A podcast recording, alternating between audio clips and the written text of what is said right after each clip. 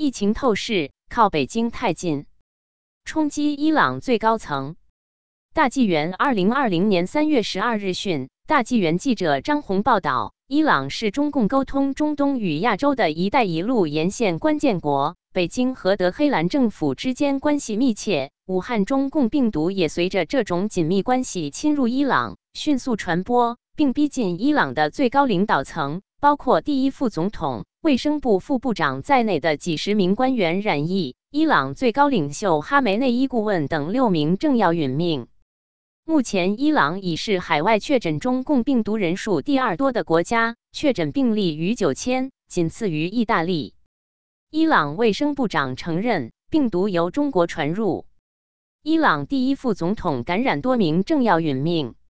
迹象显示，武汉中共病毒已在伊朗最高权力机构蔓延。在伊朗总统哈桑·鲁哈尼 （Hassan r u h a n i 总统政府的十二个副总统中，已有两个副总统被确诊染疫。三月十一日，法尔斯通讯社 （Fars News） 报道，伊朗第一副总统埃沙克·贾汉吉里 （Ishak Jahangiri） 已感染中共病毒。他是中共病毒二月在伊朗爆发以来感染该病毒的最高级官员。此前的二月二十七日，另一个副总统马苏梅埃布特卡 （Masoud a t a k a r 已确诊染疫。目前尚不清楚鲁哈尼本人在多大程度上接触了贾汉吉里等感染病毒的官员。二月二十七日，伊朗副总统马苏梅埃布特卡 m a s u m a a t a k a r 已确诊染疫。值得一提的是，中共病毒似乎明显更针对伊朗高官。过去三周内，至少有二十四名议员和多名高官被检测出中共病毒（俗称新型冠状病毒）毒阳性。染病高官除两个副总统外，还包括卫生部副部长伊拉吉·哈里奇 （Iraj Harichi）、外交政策委员会主席莫哈塔巴·佐尔诺 （Mohid Bazalnir） 和工业、矿业和贸易部长雷扎拉·哈马尼 （Reza Ramani） 等人。二月二十四日。伊朗卫生部副部长伊拉吉·哈里奇 （Iraj Harichi） 在记者招待会上擦汗。第二天，他被确诊感染中共肺炎。Mehdi Bolarian Fars News AFP。同时，至少有六名伊朗高官死于武汉肺炎。他们分别是伊朗前国会议员穆罕默德·雷扎拉查马尼 （Mohammad Reza Rakhamani）、伊朗伊斯兰革命卫队。IRGC 前政治局官员法扎德塔扎里 Farzad Tazari，伊朗最高领袖哈梅内伊顾问委员会成员、前国会议员穆罕默德米尔穆罕默德 Mohammad Mohammadi，刚获连任的女议员法特梅拉赫巴尔 Fatma Rabar，伊朗前叙利亚大使侯赛因谢赫霍斯兰姆 Hossein Sheikh Hoslam 等。伊朗学中共隐瞒疫情。伊朗于二月十九日确诊首例武汉肺炎病例，不到一个月，疫情已蔓延至伊朗所有省份。截至三月十一日，伊朗确诊感染者攀升至九千人，累计三百五十四人死亡。当天六十三人病亡，创下单日死亡人数新高。根据伊朗政府高层数十人确诊及死亡情况，近期媒体多有分析说。官方数字与实际相比严重缩水，与中共如出一辙。伊朗对疫情采取了隐瞒和封锁的维稳措施，并抓捕披露疫情真相的人。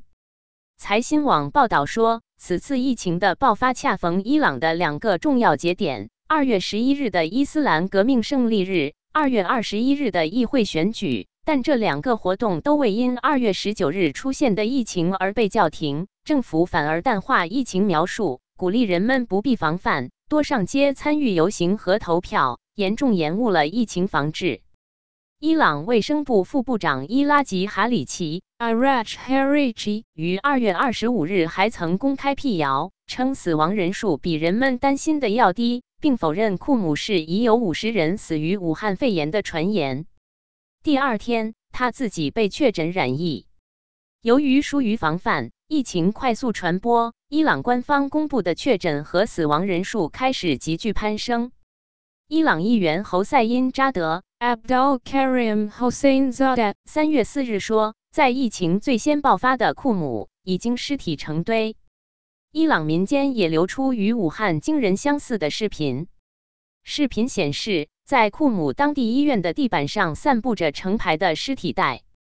随着拍摄者走过几个房间，越来越多的尸体袋出现在轮床上。据阿拉比亚电视台网站三月五日报道，伊朗传染病专家、伊朗国家流感委员会委员马尔达尼 Masoud Mardani 表示，未来两周，首都德黑兰逾八百万人口可能有多达百分之四十的人感染武汉中共病毒。拒绝美国援助借鉴中国经验，伊朗处于欧亚大陆的十字路口，可能成为整个中东地区病毒大规模爆发的枢纽。伊拉克、阿富汗、巴林、科威特、阿曼、黎巴嫩、阿拉伯联合酋长国出现的病例都可追溯到伊朗。美国于二月二十七日放宽了对伊朗的制裁，允许伊朗可通过伊朗中央银行进行人道主义货物的贸易，以及保证瑞士可向伊朗出口人道主义货物而不受到制裁。据伊朗媒体报道。在伊朗总统鲁哈尼和卡塔尔国王的通话中，鲁哈尼已明确表态拒绝美方的一切帮助。伊朗宣称在积极借鉴中国经验。目前，伊朗的检测标准和中国国内相同，用的大部分检测试剂和由中共提供，而中国的抗疫经验被指是官方控制下的维稳游戏。武汉疫情爆发初期，由于中共隐瞒，导致疫情失控，使其成为蔓延全球的瘟疫。近期，中共党媒连日宣传中国的武汉肺炎疫情缓和，甚至连武汉新增病例也出现清零。但武汉当地一位医生家属三月九日对海外新唐人电视台披露，汉阳连着成片的几个小区又再次爆发大规模感染，中共官方没有通报这个消息。武汉中共病毒进入伊朗，伊朗成为武汉肺炎肆虐的重灾区，也反映了中伊两政权间紧密的关系。中国武汉疫情爆发后，伊朗驻华大使馆曾宣称：“我们将与中国朋友中共并肩作战。”一月下旬，伊朗政府宣布放松对前往中国的飞行禁令，虽然实行了飞行限制。但是，伊朗的私人航空公司马汉航空 （Mahan Air） 飞往中国的四个城市的航班持续至二月底。德国之声发表文章说，这表明伊朗对与中国保持良好关系是多么的重视。伊朗卫生部长纳马基 （Saeed Namaki） 二月二十三日表示，伊朗的感染源来自中国。他说，来自库姆市的一名商人死于武汉肺炎。他生前常去中国，两国的直飞航班停飞，但这名商人搭乘非直飞航班。大纪元特稿指出，武汉肺炎在中国之外的扩散趋势，鲜明的点出了病毒的风向和目标，它是冲着共产党而来的。受利诱的国家和地区在与中共加强往来的同时，却不知灾厄也随之而来。就像这一次的武汉瘟疫向世界蔓延之势，清晰地勾勒出它循着与中共关系密切的国家、城市、组织和个人一路蔓延。中伊两政权关系密切，中共是伊朗的后台，也是其亲密战友。自1979年爆发伊斯兰革命以来，伊朗与西方国家，特别是与美国的政治关系一直处于紧张状态。中共对伊朗来说变得越来越重要，伊朗也选边站在中共一边。在近期美中贸易战中，伊朗称美国的贸易保护主义态度和背离贸易规则的做法是不合理和具有破坏性的。德黑兰还坚决反对任何干涉中国内政的行为。在去年香港的反送中运动期间，北京呼吁国际社会支持中共处理香港止暴制乱。伊朗是发表声明支持的国家之一。伊朗外交部发言人还称，美国通过《香港人权与民主法案》是干涉他国内政的又一证明。伊朗对此予以谴责。二零一九年十月一日，伊朗外长扎里夫罕见首次发了一条中文贺词，夸赞中共及两国的关系诚恳态度可见一斑。之前，扎里夫也多次与中共官员见面。通报相关情况，寻求中共支持。美国早前空袭炸死伊朗指挥官苏莱曼尼后，伊朗驻华大使馆还发文邀请中国朋友放心到伊朗过年，安全不是问题，以感谢中国网民的声援。而美国于二零一八年五月退出伊朗核协议后，重新制裁德黑兰，中共也对此明确表示不支持，为伊朗提供导弹核子技术。由于伊朗能源充裕，在中东占据重要的战略地位，长期以来中共一直为伊朗政权提供经济和武器支援。中共不但直接向伊朗出口导弹、战斗机和潜艇等高端武器。伊朗的核武研发技术也是中共一直在暗中支持。据蒙特雷国际研究学院报告，中共早在二十年前就与伊朗进行武器交易，包括常规武器、导弹、核子和化学武器。美国中央情报局证实，一九九六年八月，中共和伊朗签署了一项三十亿美元的协议，包括销售弹道导弹、导弹指引技术和导弹生产设备。据英文大纪元二零零六年十月二日报道，伊朗的许多弹道和巡航导弹或来自中共，或由中共协助开发。如二零零六年的黎巴嫩战争中，真主党发射并击中以色列军舰和埃及的舰艇的 C- 杠八零二 Nor 导弹，表面是由伊朗提供，实际上是中共的 Un G 八十二型导弹的外销名称。二零零六年，伊朗在中共帮助下研制出了类似哈比的无人驾驶机。英国《泰晤士报》表示，中共也是伊朗非常规武器的主要供应者，并且几乎所有的观察家都认为，中共对伊朗的化学和核子武器的项目都违法的提供关键性的支援。据自由亚洲电台报道。伊朗从中共购买到高质量的加工油，从而使其在提取浓缩铀的技术上有了重大突破。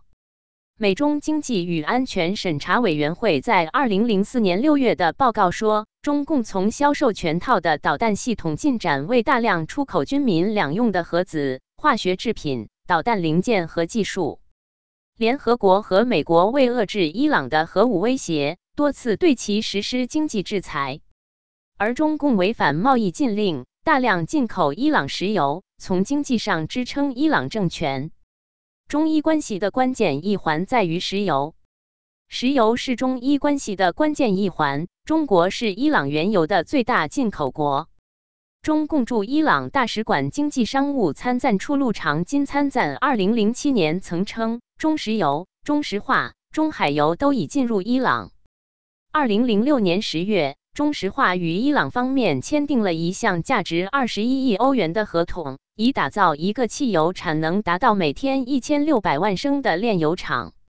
伊朗将成为中共能源供应最大的安全保障之一。二零一八年五月，当美国总统川普宣布退出与伊朗的核协议以及重新恢复对伊朗的制裁后，一名伊朗官员告诉《华尔街日报》：“我们向中国。”出售石油毫无问题。路透社二零一八年七月二十八日报道，一名美国政府的高级官员透露说，伊朗百分之五十至百分之七十的原油出口都运往了中国，其余大约百分之三十左右出口给了叙利亚。彭博社二零一九年九月报道说，中国以极低的折扣从伊朗手中购买石油。自二零一九年年初至九月以来。中国从伊朗进口的原油超过一千二百万吨，大部分交付中国炼油厂，其余则储存在伊朗石油公司位于中国的仓库内。中共是伊朗大笔投资的唯一来源。作为伊朗最大的贸易伙伴，中共除了石油，在伊朗还拥有规模巨大的投资，是伊朗投资关键的基础设施项目所需的大笔资金的主要来源。二零一七年九月，法新社消息，伊朗中央银行总裁表示，中共国营投资公司中信集团向伊朗五家银行提供总额一百亿美元贷款，用于伊朗多个基础建设项目。据伊朗官方媒体《伊朗日报》（Iran Daily） 报道，这笔款项将于融资水、能源和交通运输等领域的基础设施项目建设。同时，中共国家开发银行与伊朗就其他基础建设和生产计划签署初步协议，金额达一百五十亿美元。二零一九年九月，美国之音报道，中共最近还同意在未来二十五年向伊朗的石油和天然气、石油化工产品、交通和能源相关制造业投资约四千亿美元。伊朗德黑兰商会官员费里亚尔莫斯托菲 f r i o Mustafi） 也说，现有信息显示，中共和伊朗已经建立了四千亿美元的信贷额度，这将允许中国投资者在伊朗进行无竞标项目投资。中共国企在伊朗活跃，两国之间的贸易和投资也包括发电、采矿、运输设备、武器、电子产品、汽车配件和玩具等的范畴。中共国有企业在伊朗各地都很活跃，从事着相关业务。早在2007年，被伊朗政府命名为“总统一号工程”的德黑兰地铁，即由中信集团公司承建德黑兰地铁一、二号线工程。在库姆，中国铁路工程总公司 （China Railway Engineering Corp） 正在投资二十七亿美元修建一条穿越库姆的高速铁路。中方的技术人员还一直在帮助翻修附近的一座核电站。近年来，中共控制的中兴和华为公司屡屡遭美国政府制裁，也是因为这些公司违反国际禁令，向伊朗提供敏感的军事或民用技术。华为深入参与了伊朗电信商 MCI 数百万美元的建制项目。大纪元路透社三月二日报道，华为内部文件显示，华为从二零一零年就与伊朗私通往来，运送美国公司的电脑设备产品。华为深入参与了伊朗电信商 MCI 数百万美元的建制项目。华为首席财务官、公司创始人之女孟晚舟被拘，面临引渡。对孟晚舟指控的核心是，他可能参与了一项阴谋，诱使金融机构进行违反美国对伊朗制裁的交易。伊朗积极参与“一带一路”计划。中共“一带一路”于二零一三年在伊朗开始。